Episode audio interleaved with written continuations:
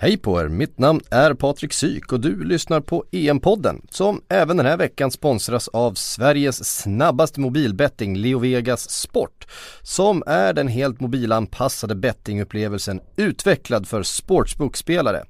Det handlar om supersnabba spel, vem får nästa inkast, nästa frispark och så vidare. Men såklart också klassiska spel på allt från fotboll till e-sport. Alltså LeoVegas Sport, veckans sponsor.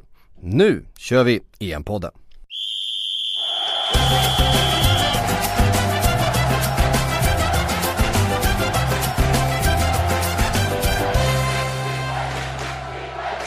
Glad midsommar hälsar vi väl då eh, från eh, ett somrigt Sverige och vad jag tror ett somrigt Frankrike. Mitt namn är Patrik Syk och med mig har jag Patrik Sjögren. Det är en dag kvar till midsommar men eh, närmare så här kommer vi inte i inspelningssammanhang i alla fall. Nej, för imorgon kommer ju alla vara lediga uppenbarligen där hemma. Inte vi i Frankrike, vi jobbar på som vanligt. Men de andra har väl anammat Glenn Hyséns bevingade ord.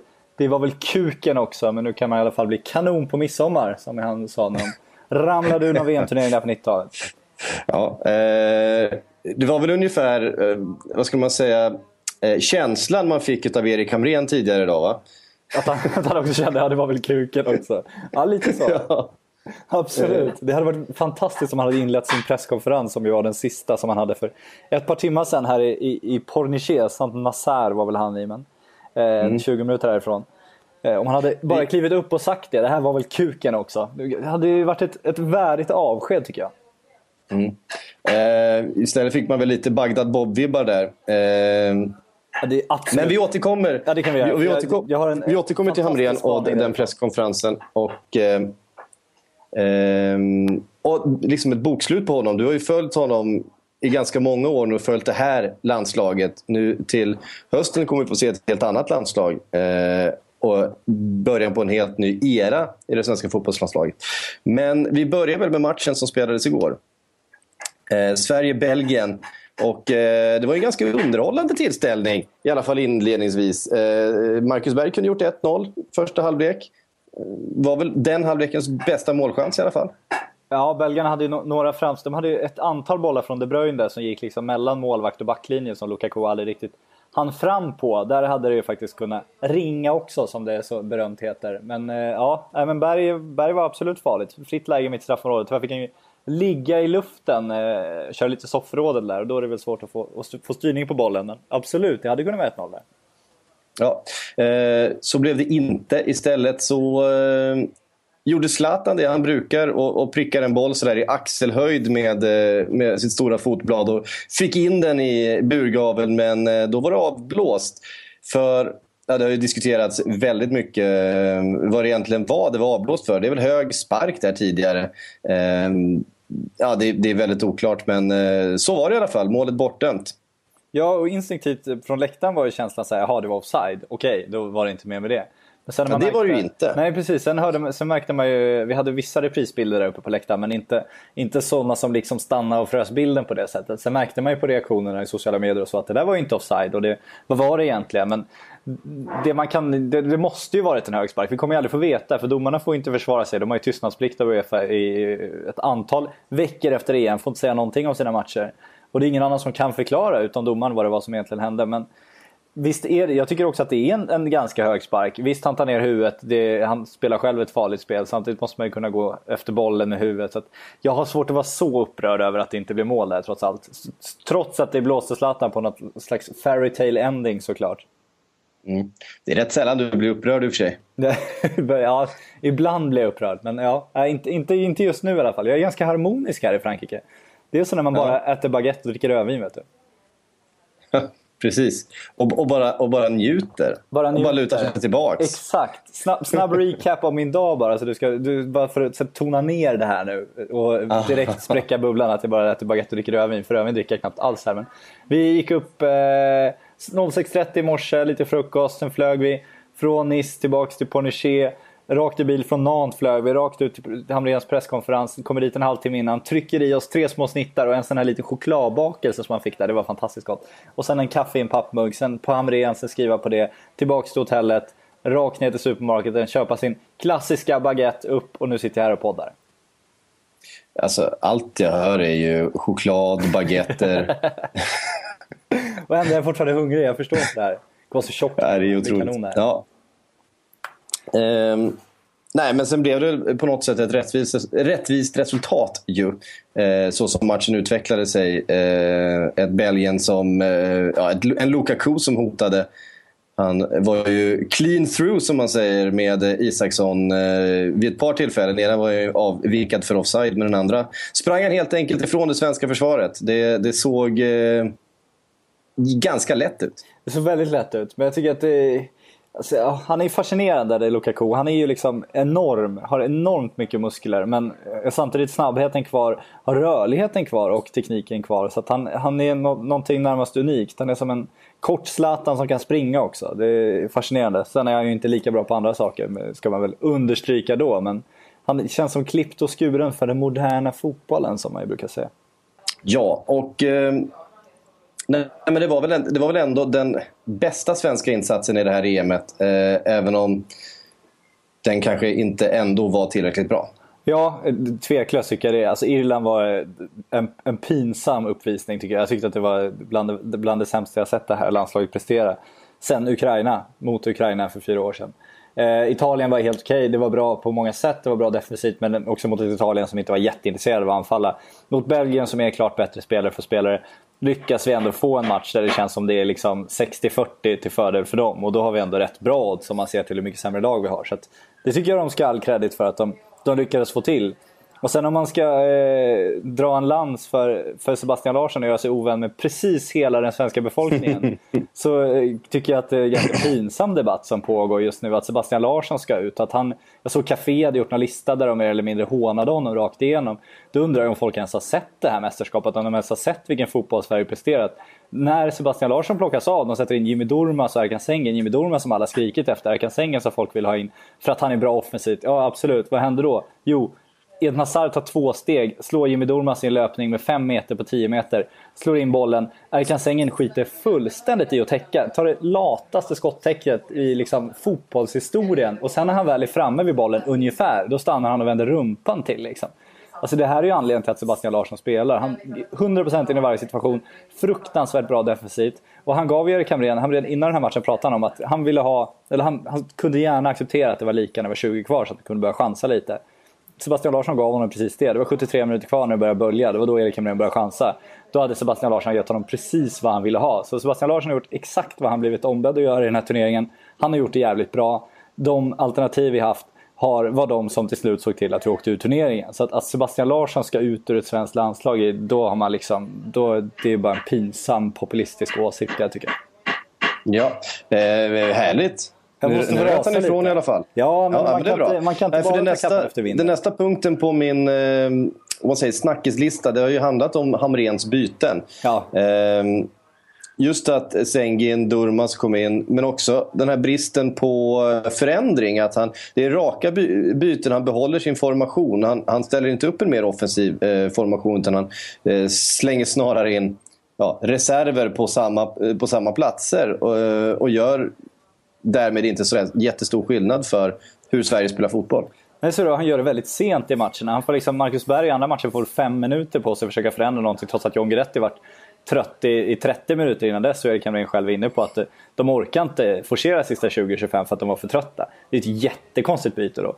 Igår var vi jättemånga som var förvånade över att en Emir Kujovic inte kommer in och liksom kan skapa något i boxen, eh, vara lång på fasta, skapa lite tryck. Istället så skickar man upp Erik Johansson till slut från backlinjen Eh, vilket ju var väldigt märkligt. Och just det här som du säger, raka byten fast till mer offensiva spelare som yttermittfältarna nu, vilket gör att balansen försvinner helt. Och det var ju där de gick bort sig också. Så att, eh, bytena absolut väldigt, väldigt märkliga. Och sen eh, kan man väl också eh, ifrågasätta vilket material han egentligen hade att jobba med på bänken.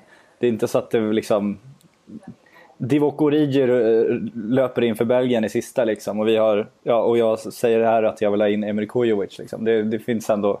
Jag förstår varför han ville behålla sitt lag också så länge det gick. Men bytena har varit konstiga, det tycker jag också. Mm. Eh, och så Zlatan. Han gör sin sista landskamp i, igår. Det, det känns eh, lite märkligt att konstatera. Eh, och känns lite vemodigt, precis som eh, Kim Källström och, och, Andreas Isaksson förstås. Det är ju spelare som man har följt väldigt länge nu. Eh, och det kommer ju förstås bli en helt annan landslagstillvaro utan de här tre. Ja. Och fram, framförallt Zlatan ju. Ja, och man undrar ju hur man ska fylla 50 000 platser på Friends när Marcus Berg och John Guidetti startar i anfallet. John Guidetti är visserligen populär, men inte riktigt, inte riktigt den attraktionskraften. Och det blir Nej. intressant. Eh, men jag tycker ändå att det, det känns ändå uppfriskande på något sätt. Jag tycker att det, nu när vi inte har liksom de här riktigt stora resultaten och skapa någon hype kring och glädjas kring och få upp intresset så tycker jag personligen i alla fall att det är roligt att det ska bli intressant att gå på landslagsfotboll i höst igen. Vi har ingen aning om vad som väntar oss. Vi har ingen aning om vem som ska göra det. Vi vet knappt vem som ska vara den största stjärnan. Och det, det kan man väl se positivt på också. Även fast laget såklart har försämrats betydligt. Janne Andersson är största stjärnan. Ja, Party-Janne. Han tar över nu. Mm. Eh, från det här landslaget då, vilka hade du tagit med dig eh, rakt in? Vilka tror du Janne Andersson tar med sig? Eh, Sebastian Larsson tror jag definitivt han tar med sig om man ska ja, det, gå tillbaka dit. Det är jag är övertygad om. Sen hoppas jag att Albin Ekdal får en, en ledarroll, en, eh, blir liksom härföraren på mittfältet. Jag hoppas han får fullständigt förtroende och göra vad han vill där. Det hade varit väldigt intressant.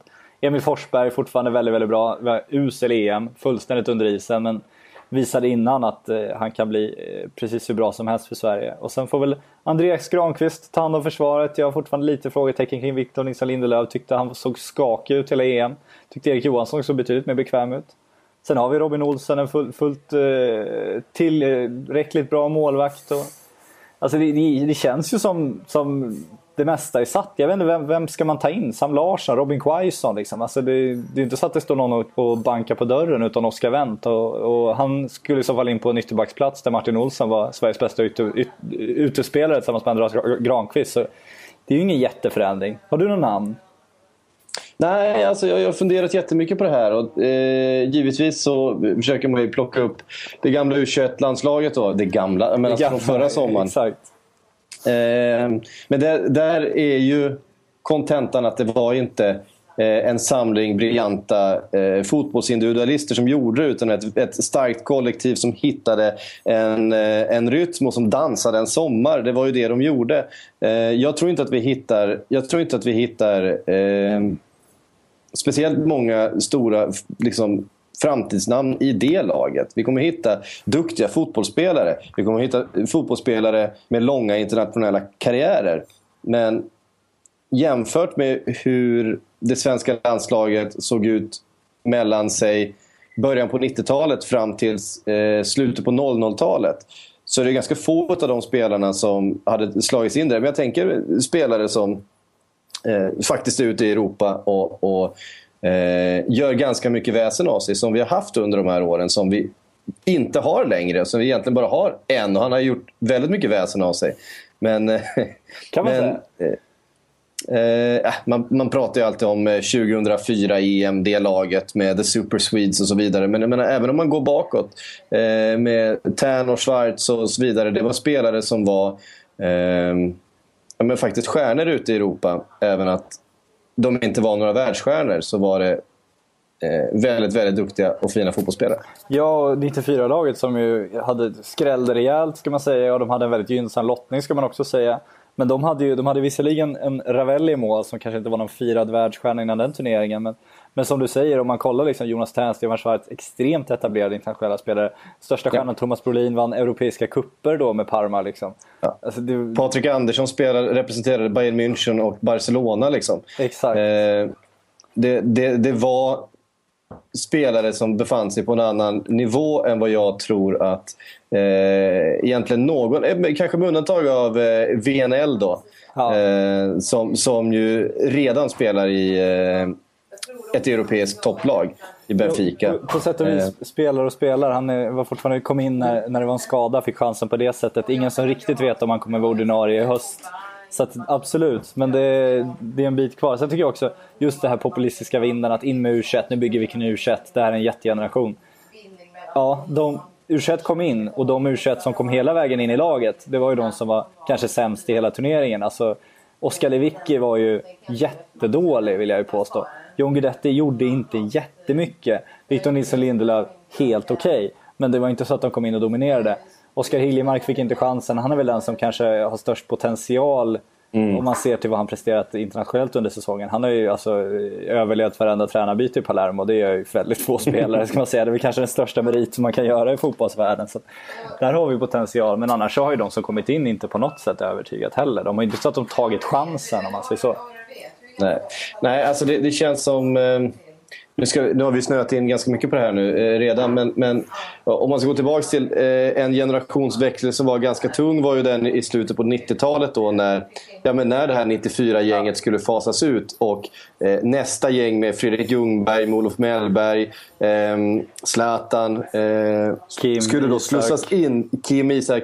Eh, skulle då liksom Mm, med hjälp av Henke Larsson som var där, någon slags brygga, eh, slussas in. Och det, det tog ju några år eh, där resultaten uteblev. Den, de åren hade man ju gärna sett att vi hade haft bakom oss nu när Zlatan lä, eh, liksom lägger eh, skorna på hyllan.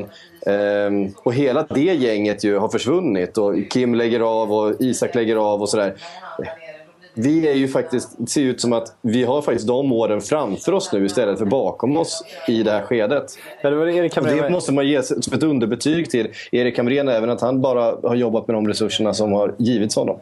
Ja, han var inne på presskonferensen idag att eh, om man tittar historiskt i svensk fotboll så när man har missat ett mästerskap så har det tagit väldigt lång tid att komma tillbaka till ett nytt mästerskap. Och han såg det som en av sina största meriter att han direkt efter att Lasse Lagerbäck hade missat tog Sverige tillbaka direkt. Och det är som du säger, han lyckades ju mjölka det sista ur den här förra generationen. Han gjorde ju verkligen det. Och han lyckades få igång Zlatan som ändå eh, räddade oss till det här EM-slutspelet. För vi hade inte varit här utan honom. Men nu när han är borta, Nej. då är ju frågan vad det är som finns kvar, absolut. Och det ser inte ut som världens bästa landslag. Samtidigt går vi tillbaka till någon slags Lasse Lagerbäck-modell. Vi får in Janne Andersson. Det kommer bli defensivt, det kommer bli 4-4-2, det kommer vara spela efter resurserna. Kanske kan vi, likt Island som man ju ska nämna nu i dessa tider, alla ska prata om dem eh, göra ett lag av det här istället. Så det, det, känns som de har valt rätt ledare med tanke på materialet nu. Jag är tryggare med att det är Jan Andersson som får den här generationen och att det var Erik Hamrén som fick försöka mjölka det, det sista ur den förra än att det var, det var tvärtom. Så att, eh, mm. Det känns ändå som det kan bli, bli roligt på ett annat sätt nu. Ja. Eh, hörru du, det var det om eh, de avgående förbundskaptenerna och eh, slutande spelarna. Då. Eh, åter till eh, det EM som faktiskt ska fortsätta spelas med bland annat Island. Eh, fantastisk tillställning igår. Hur mycket fick du med dig av den? Ja, vi satt där i pressrummet innan vi gick ut till arenan och, och fick se Hawaii på båda. Jag hade båda matcherna på varsin mm. TV där inne. Och, eh, det skreks rätt bra i det pressrummet trots att bara var belgare, svenskar och fransmän och lite britter där kan man säga. Folk var ja. ruskigt engagerade i Larsur och hans äventyr.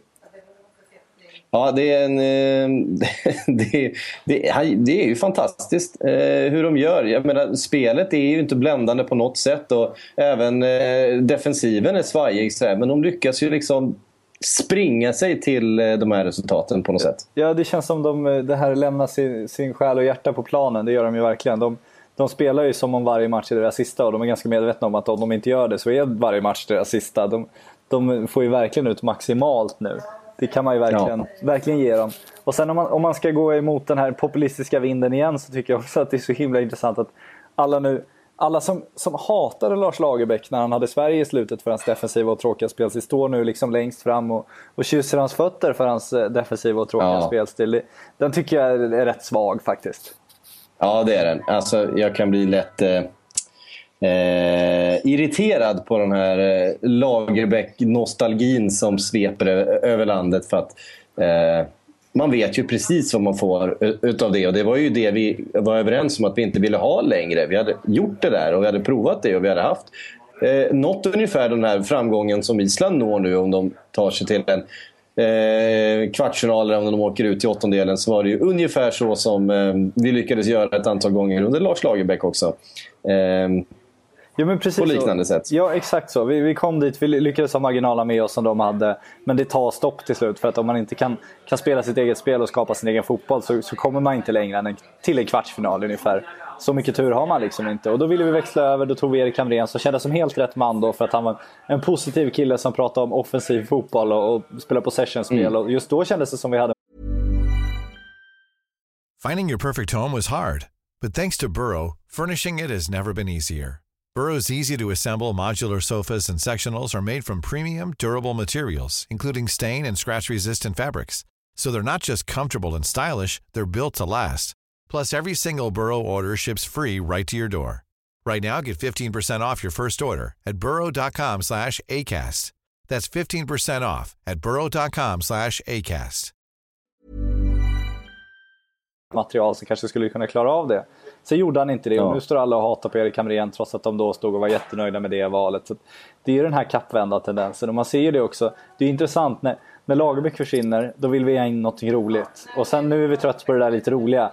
Nu är det tillbaka till Lagerbäck-typen här igen och då älskar man det. Och sen kommer det gå 6-7 år med Janne Andersson och sen jäkla ska vi in någon rolig igen. Så det är väl så det fungerar. Och man är ju likadan själv. Det var, det, var, det var ju något som skrev till mig på Twitter igår att eh, äntligen är Hamrén ute, äntligen slipper vi tråkfotbollen. Ja, herregud. Eh. Och Hej, hej, hej Janne Andersson. då, då undrar jag lite vad han har tittat på de senaste åren.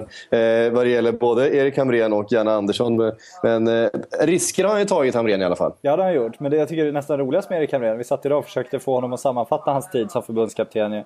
Och eh, han kom ju och fick ett ganska defensivt 4-4-2-lag av Lasse Lagerbäck. Kom in, ville göra det till ett offensivt 4-3-3-lag.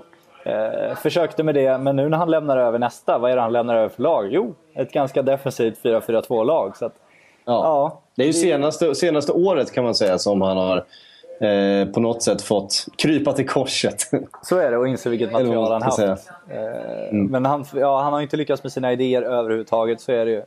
Och han pratar själv om att han ändå är nöjd med resultatet med tanke på att vi gått till mästerskapen. Vi har gått till två EM, absolut. Men det här, det här lyckades vi nästan missa trots att det inte ska gå att missa. Så att jag tycker att, och sen i samma andetag så pratar han också om att resultaten inte det man ska... Alltså att alla bedöms efter resultaten. Han tycker att det är lite orättvist samtidigt som han då predikar hur, hur lyckad han varit med tanke på resultaten. Så han, han eh, snurrade in sig där.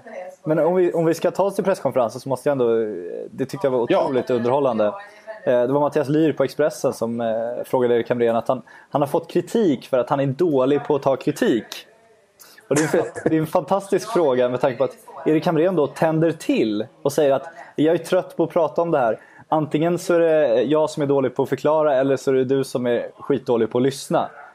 Och det är- är så fantastiskt roligt. Och sen förklarar han då hur, hur duktig han är på att ta kritik. Så att det är en gång på hela presskonferensen han riktigt tänder till. Det är när han får kritik och då tänder han till för att han passionerat ska förklara hur bra han är på att ta kritik. Det, det, han Ja. avslöjar sig själv där ganska mycket. Ja, det är roligt. Eh, jag gillar också uttalandet att vi gör två och en halv bra matcher. Ehm, Ja, den, den var också intressant. Nej, det, är han, ju, det, det, det, det, är ju, det är ju Bagdad Bob alltså. Ja, så är det. Han har, han har ju sina förtjänster, eh, inte på presskonferenserna. Han är, han är inte så duktig på sitt tal och på att föra fram sina, sina åsikter och så. Det kan man inte anklaga honom för. Men sen tycker jag också att man ska eh, försvara honom från denna eh, kritikstorm som kommer nu. För att som sagt, alla var väldigt positiva när Erik Hamrén kom in. Alla tyckte att det skulle bli väldigt roligt. Det fungerade inte. Han hade ett material som var tufft såklart. Eh, Ja. Han har gjort ungefär det man kan förvänta sig av det materialet. Man hade ju såklart drömt om mer och han piskade ju upp förväntningar med sina egna drömmar om medalj och sådär. Men, men han är ju inte en misslyckad förbundskapten så och han, han är en, en godkänd förbundskapten. Ja, han får någonstans ett starka två plus, eh, svaga tre. Ja, eh, någonstans där. skulle jag säga. Två plus ja, landar. jag menar, det är ju inte han som ligger bakom den svenska... Det är hans fel.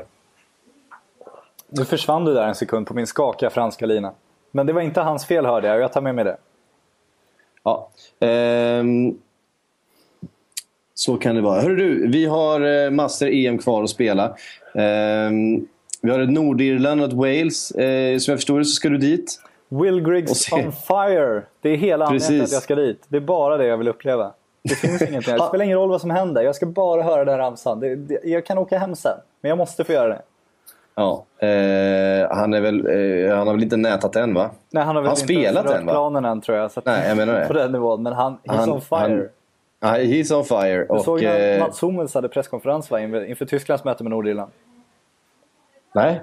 Bästa video jag sett i mitt liv tror jag. En, en journalist har mikrofonen och frågar eh, Mats Hummels. Eh, They say that you are terrified because Will Griggs on fire. Is that true or are you just going na na na na na na na na na?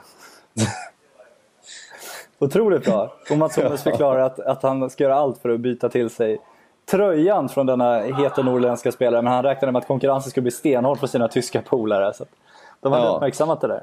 Då får han inte ens spela. Det är väl eh, Kyle Lafferty som eh, är rätt självskriven där framme. Ja, han lirar väl i League One till och med, Will Grigg. Så att, uh, he's not on fire. Nej, det vet vi ju inte. Nej, nej, så, det var, såg du heatmappen förresten? Efter Nordirlands första match när de inte lyckades göra någonting framåt överhuvudtaget. Det var, det var stekhett vid bänken då eller? Ja, men det var, det var, helt, var helt tomt på heatmappen och så var det en liten eld på, på bänken. Det för det var Will Griggs som var on fire. det tyckte jag var väldigt roligt. Eh, vi kan ju också bara, som många har poängterat, eh, göra någon slags bokslut för den kvalgruppen som Sverige hade där Sverige, Österrike och Ryssland var de som tog sig vidare. Eh, de kanske tre sämsta lagen tillsammans med Ukraina då eh, i det här EM-slutspelet. Det kan vi konstatera och det var roligt eftersom eh, det, det jämfördes friskt med Österrike och predikades som hur farliga de kunde bli, hur bra de var. Och så kände man själv när man satt och kollade på det där kvalspelet att det här, det här är ju inte bra. Alltså.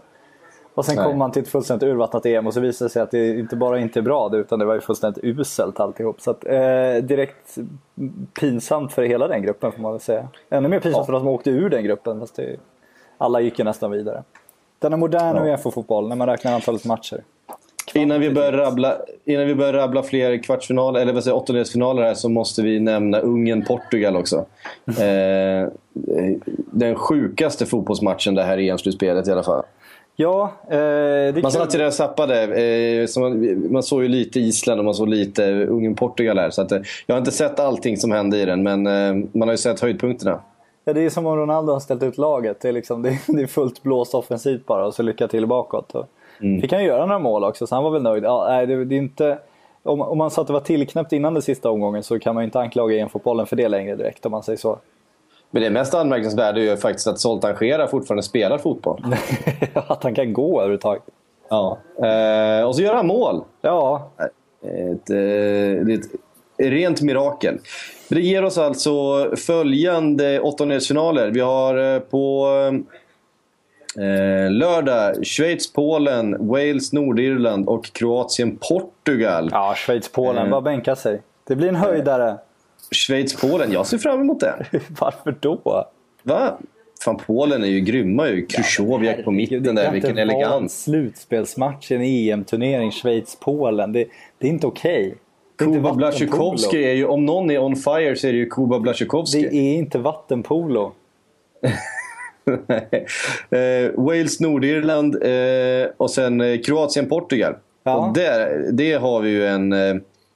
Eh, alltså om man tittar på hur det här slutspelsträdet ser ut så har vi ju nästan en moralisk finalist i någon av de här två lagen. Även att Portugal inte har varit bra. Ja, det är väl de eller eh. Belgien som man förväntar sig ska gå vidare till final från den där halvan. Så att... Ja, precis. Eh, Kroatien som ju slog Spanien eh, till slut ser ju riktigt fina ut. Eh, Ja, men mm. vänta, det finns ju alltid någon som, som liksom går till semi, någon riktigt stor överraskning. Och eh, de är väl inte riktigt så stor överraskning med tanke på hur urvattnat startfältet har blivit. Men de, de känns som, ett, som den typ av lag ändå. Tänkte du förresten på att eh, det är Martin Atkinson som ska döma Wales-Nordirland? Är det sant? Ja, visst. Från alltså... en engelsk domare. Vad är det med de brittiska öarna? Det var en så bra video också. Någon som har lagt ut en video på, på Millhouse när han kastar frisbee från Simpsons. Där. Han, kast, han har ingen att kasta med. Liksom. Han kastar den till någon där de ska stå. Den så ingen där. Så joggar den över och hämtar den. Så kastar den igen och så joggar den över och hämtar den. Så var den så bara Scotland during the Euros 2016. ja. Uh, Alla andra är med. Ja. Um, på söndag då så har vi uh, Ungern, Belgien, Tyskland, Slovakien och Frankrike, Irland. Det är, det är inte... Eh, vad ska man säga? Det, det, det, det suger inte till i tarmen riktigt när man, när man hör de här kan mötena. Kan vi inte bara hata Michel Platini också för att han nu inte bara har tagit alla fotbollens pengar utan vattnat ur hela Europamästerskapen så till den grad att, liksom, att man inte ens är taggad. Alltså det, är bara pinsamt. Första gången någonsin för ett fotbollsmästerskap så känner jag att det gör fan ingenting om jag missar ett par matcher. Nej. Det är en hemsk känsla. Och, eh, det jag irriterade mig på igår var också sådär, eh, de här bästa treorna. Ja. Alltså det man spelar om, det är liksom så här. det är så jävla otydligt och så, och så abstrakt. Liksom. Eh, om vi förlorar här då blir vi alltså här och då hamnar vi på den här. Alltså etta och tvåa vidare från gruppen. Kommer du tvåa får du möta ettan i den där gruppen. Tydligt och klart. Här liksom får man sitta med ett matematikblock och så till slut så har Turkiet, som visserligen har varit eh, väldigt dåliga den här ehm, eh, den här omgången, åkt ut för att eh, Italien förlorar mot Irland. Ja, och ett tag kunde det så här, det såg ut som att du skulle kunna gå vidare på två poäng och positiv målskillnad. Liksom. Alltså ja. antingen får man ju utöka det ännu mer eller så får man ju banta det igen så att man får liksom ett rakt träd så att du får ja. grupp tvåan. För det här blir du får ju sitta och göra matematik. Det känns ju som det är liksom SHL vi du... sysslar med här. När det är återkval och inkval och ja, meka hockey race och vad fasen det nu är. Nej, bu för formatet. Ja, bu för det mesta Uefa sysslar med nu för tiden får man väl säga också. Ja. Uh, Ungern-Belgien. Uh, Ungern som ju eh, är det lägst rankade laget av alla i den här turneringen. Ehm, och Belgien som är det högst rankade, väl fortfarande va? Ja, de är väl världstvåa nu. Jag vet inte vilka som är världsetta. Men Erik Hamrén älskar ju den där rankingen. Han inte tycker vis, visar någonting egentligen. Men eh, han gillar att berätta om hur högst rankade hans motståndare är i alla fall. Ja, eh, den är ju, det går ju att säga en hel del om den där rankingen men eh, så är det i alla fall. Och ett eh, Belgien som fortfarande har en del att bevisa. formatet kan man väl säga.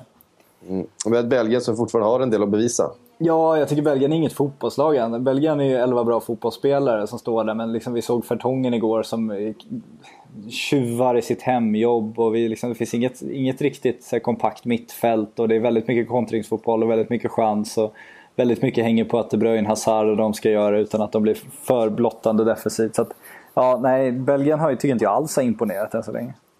Hazard tyckte jag ändå man eh, gick att känna igen igår. Han, han såg pigg ut. Ja, han såg bättre ut. Det är så kul att han blir man of the match också. Det är som när, när eh, Svenska Fotbollförbundet eh, anlitar någon sponsor för att utse man of the match på Friends Arena. Vilket Aftonbladets marknadsavdelning någon gång har varit faktiskt. Och då, då är det ju så roligt att sponsorns representant, den som utser matchens lirare, får ju sen gå ut på inneplan och dela ut det här priset. Mm. Och liksom, varenda människa väljer Zlatan Ibrahimovic då för att de vill ha selfien med honom efteråt. Det är ju det det handlar ja. om. Det är ingen som går in och väljer liksom, ja, Andreas Granqvist, fan vad kul att ta honom i hand. Man kan ta selfie med honom på, på ICA Maxi efteråt. Ja, exakt. Så då är det så här, men Zlatan kan ju jogga ut och slå en bredsida och jogga av igen. Han skulle bli matchens lirare bara för att någon vill, ja. vill ta en bild. Eh, men då tycker jag ändå att Hazard var, var eh, bäst i Belgien igår. Tycker du det? Ja, det tycker jag. Ja, okay. ja, ja. Den, ja, jag tyckte Axel Witsell var väldigt bra också. Ja, Witsell var bra. Eh, Nangolan tycker jag var, Nangolan var bra. Var duktig också. Gjorde, gjorde ett fint mål. Vallade in den via sängens eh, arsle. Ja, så, som man gör. Det var hans första bolltouch va? I ett mästerskap någonsin. Ja, men sängen är väl vår enda svenska målskytt när vi åker härifrån va? Bara en sån sak. Ja. Ja. Det är inte illa. Eh, jublet, jublet när Sverige fick ett skott på mål. Ja. Eh, var också intressant. Twitterreaktionen när Sverige fick ett skott på mål. Det var ju alla högskola delaktiga också. Alla skrev ja. skott på mål. Ja. Eh, Tyskland, Slovakien. Tyskland ja. ser, ju, ser ju bra ut. Det, det finns fortfarande frågetecken vem som ska göra alla de där målen. Men, eh... men återigen, det låter som en, en eh, match från B-ligan i hockey-VM. ja. Äh, nu, nu tycker jag du är taskig mot Slovakien faktiskt. Nej, det tycker jag inte. Jag tycker jag är fullt rättvis här. Ja. Eh, Frank... sportnation. Vi kan inte ha det så här. Eh, Frankrike, Irland. Det känns, också, det känns inte heller som en eh, mästerskaps liksom, slutspelsmatch. Nej. Eh, men eh, där är vi i alla fall. Ge mig kvartarna. Ja, Spola fram eh, bara. Precis. Och på måndagen så har vi då England mot Island. Den är ju den är ju spännande för att man får eh, Lasse Lagerbäck mot det här hypade, håsade, eh, alltid så hett omskrivna England. Ja, och en dröm för Lasse Lagerbäck. Det är precis rätt motstånd att möta. Ett, ett lag som är så uppskrivet eh, så att de har enorma förväntningar på sig men som fortfarande har mycket bevis och kanske inte är riktigt så bra som folk förväntade sig och inte är så riktigt så bra som de själva tror. Det är ju precis sådana matcher Lasse Lagerbäck brukar briljera i. Så det kommer mm. bli väldigt intressant. Där har nog alla chanser skulle jag vilja påstå. Ja. Och sen då den enda riktiga, enda riktiga toppmötet får man säga i eh, åttondelsfinalen. Italien mot Spanien. Ja, Portugal-Kroatien tycker jag också vi kan ha som toppmöte. Men, men absolut, ja, det, det göra. så är det är ju en fotbollsmatch i Italien-Spanien. Ja. Det är ingen hockeymatch, det är ingen vattenpolo Det är en klassiker. Det är en klassiker. Ja. Och där kommer vi få se ett mittfält mot ett eh, försvar. det kan man säga, ja. Eh, Iniesta eh, ska liksom försöka trä den där mellan eh, Bonucci och eh, Barzagli. Ja, och Eh. försöka hitta någon slags målskytt där framme, vilket har varit Spaniens största problem i flera år nu, men vi får se. Ja, Morata ser ut att eh, vara på G här. Ja, Nu har eh, han börjat hitta nätet så... Mm. ja eh, men, det, men de imponerade. Innan Kroatien-matchen så tyckte man ju Spanien var den enda favorit som verkligen levererade. Så man ska inte eh, glömma bort hur bra de var sina två första matcher. Nej, det är, det är helt riktigt. Eh, som sagt, du kommer bege dig till... Eh, eh, Paris, saint precis. eller Parc Par- des Princes är det till och med. Parc Princes. hemmaarena. Precis. Eh, ska vi, eh, vi måste ju bara säga det nu när, när vi ändå har eh, dig på tråden här. Att, att Zlatan tackar nej till OS. Ja, det kan man Eh. väl lägga sitt eget pussel nu. Ja, det handlar, väl, det handlar helt enkelt om att Manchester United eh, inte vill att han ska åka. Ja, det känns ju som en... eh, För de, för, för, för, de, för de pengarna som de betalar så är det ju orimligt att han ska dra iväg till, eh, till OS, missa stor del av säsongen, eventuellt skada sig och sen komma dösliten eh, och spela en hel eh, Premier League-säsong. Ja, och jag tror han är för smart för det också. Han vet vad som krävs och han vet att man inte kan göra en Marcus Berg som när han gick till Hamburg och ta, ta ledigt tre veckor för att man känner för det och sen kommer man otränad till ett sånt uppdrag. Utan jag tror att han också personligen vill komma i absolut toppform för att han vet vad han riskerar genom att gå dit också. Och då, eh, då åker man inte dit och hoppas att det ska gå av sig själv utan han kommer nog ligga minutiösa förberedelser innan det där. Och det gör man inte på en OS-turnering med Alexander Falsetas trots allt. Ehm, vi, vi går väl då från början till slut så får du eh, tippa vinnaren i respektive match. Åh va? Så- herregud, så får vi det ha får några kvartsfinaler. Eh, eh, ja, men vi Det här hjälps tar åt. jag inte eget ansvar för på något sätt ska jag säga. Vi, vi hjälps åt. Ja, det är bra. Eh, Schweiz, Port- Schweiz, Polen. Eh, ja, men den tar ju Polen va? Ja, jag tycker det. Ja. Eh, Wales, Nordirland. Den är svår alltså. Ja, det med Wales är bättre. Men Wales, Wales är bättre. Ja. Eh, Kroatien, Portugal. Eh, alltså Portugal har inte imponerat, vilket betyder Nej. att de kommer vinna den där. Du tror det? Ja, jag tror det. Ja, fan, jag som har eh, Kroatien eh, fram i semifinalen mitt EM-tips. Ja, ska, vi säga, ska vi säga Portugal? Du får, du får eh, Nej, men du kan ha. Kroatien så har jag Portugal. Så eh, visst. det blir ett prestigekamp det här också. Ja, just. Eh, Frankrike, Irland. Ja, Frankrike. De har ju ändå Ja, som mästare. Så att, Det är ju inget snack. Eh, Tyskland, Slovakien. ja, då får vi säga Tyskland. Det är rätt givet också. Ungern, Belgien. Eh, vi tror väl på en fa- favoritseger även där. va? Ja, vi Ungern, kan- de, nu får de sluta skrälla faktiskt. Jag, jag är Jag inte tror de brände sitt men krut mot Portugal där Det faktiskt. känns så. Ehm, Italien, Spanien. Den är tuff alltså. Ja, alltså ingen pratade om Italien innan, men jag, det, man, ska inte, man ska vara rädd för Italien tror jag. Jag tror det på allvar. Jag, om de inte hade mött Spanien så, jag tippade dem fram i semi tror jag, på det. i final till och med på EM-tipset. Men jag hade Spanien rätt långt fram också, man trodde inte att de skulle mötas redan nu. Men jag, jag, jag går på oddset. Det blir Italien tror jag. Du tror på Italien? Ja, Ja, men vi säger det då. Eh, och så England, Island. ja det får vi tro på Island då. Ja, vi gör det. Ja, En skräll, en, en, en skräll till har de i sig. exakt. Vi måste ju få lite utbetalning också för våra satsade kronor. Ja, precis. Inte för att jag ja, och jag kan tänka mig, jag, jag, jag, kan, jag, jag kan se en, en eh, straffsparksläggning i den Ja, matchen. det vore fantastiskt. Ja, Vi älskar ju dåliga hoppas att- straffar, det är det bästa du vet. Så där Ja, har du det all potential är- för dåliga straffar. det är det England bästa jag vet. experter på dåliga straffar. ja den, den, har, den har sån potential att bli en riktigt dålig straffläggning. det- det är det mesta man kan önska av en Ja, men fotbollsmatch. du har liksom massa juniorer i, i England, liksom 21-22-åringar som kommer krackelera. Ja. Och, och sen en, eh, islänningar som ju heller aldrig varit i den här situationen tidigare. Nej, som en hel nation som står och stirrar på dem och känner ansvaret för att alla deras 14 kusiner tittar på TV. Ja. Nej, det är... Oh, den ser jag fram emot. Ja, den den, jag ska äta den straffläggningen med sked. Inte alls perverst det där. Nej. Ehm, nej men hörru du, vi, vi får tacka för oss för idag. Vi är tillbaka nästa vecka igen. Då ska vi försöka eh, göra någon slags eh, kvartsfinalsrunda utav eh, de här lagen som är kvar. Eh, ni får ha en glad midsommar, du med Patrik, så hörs vi eh, när du är på svensk mark igen. Yes! Ja, så är det. Eh, ha det så fint hörni. Hej!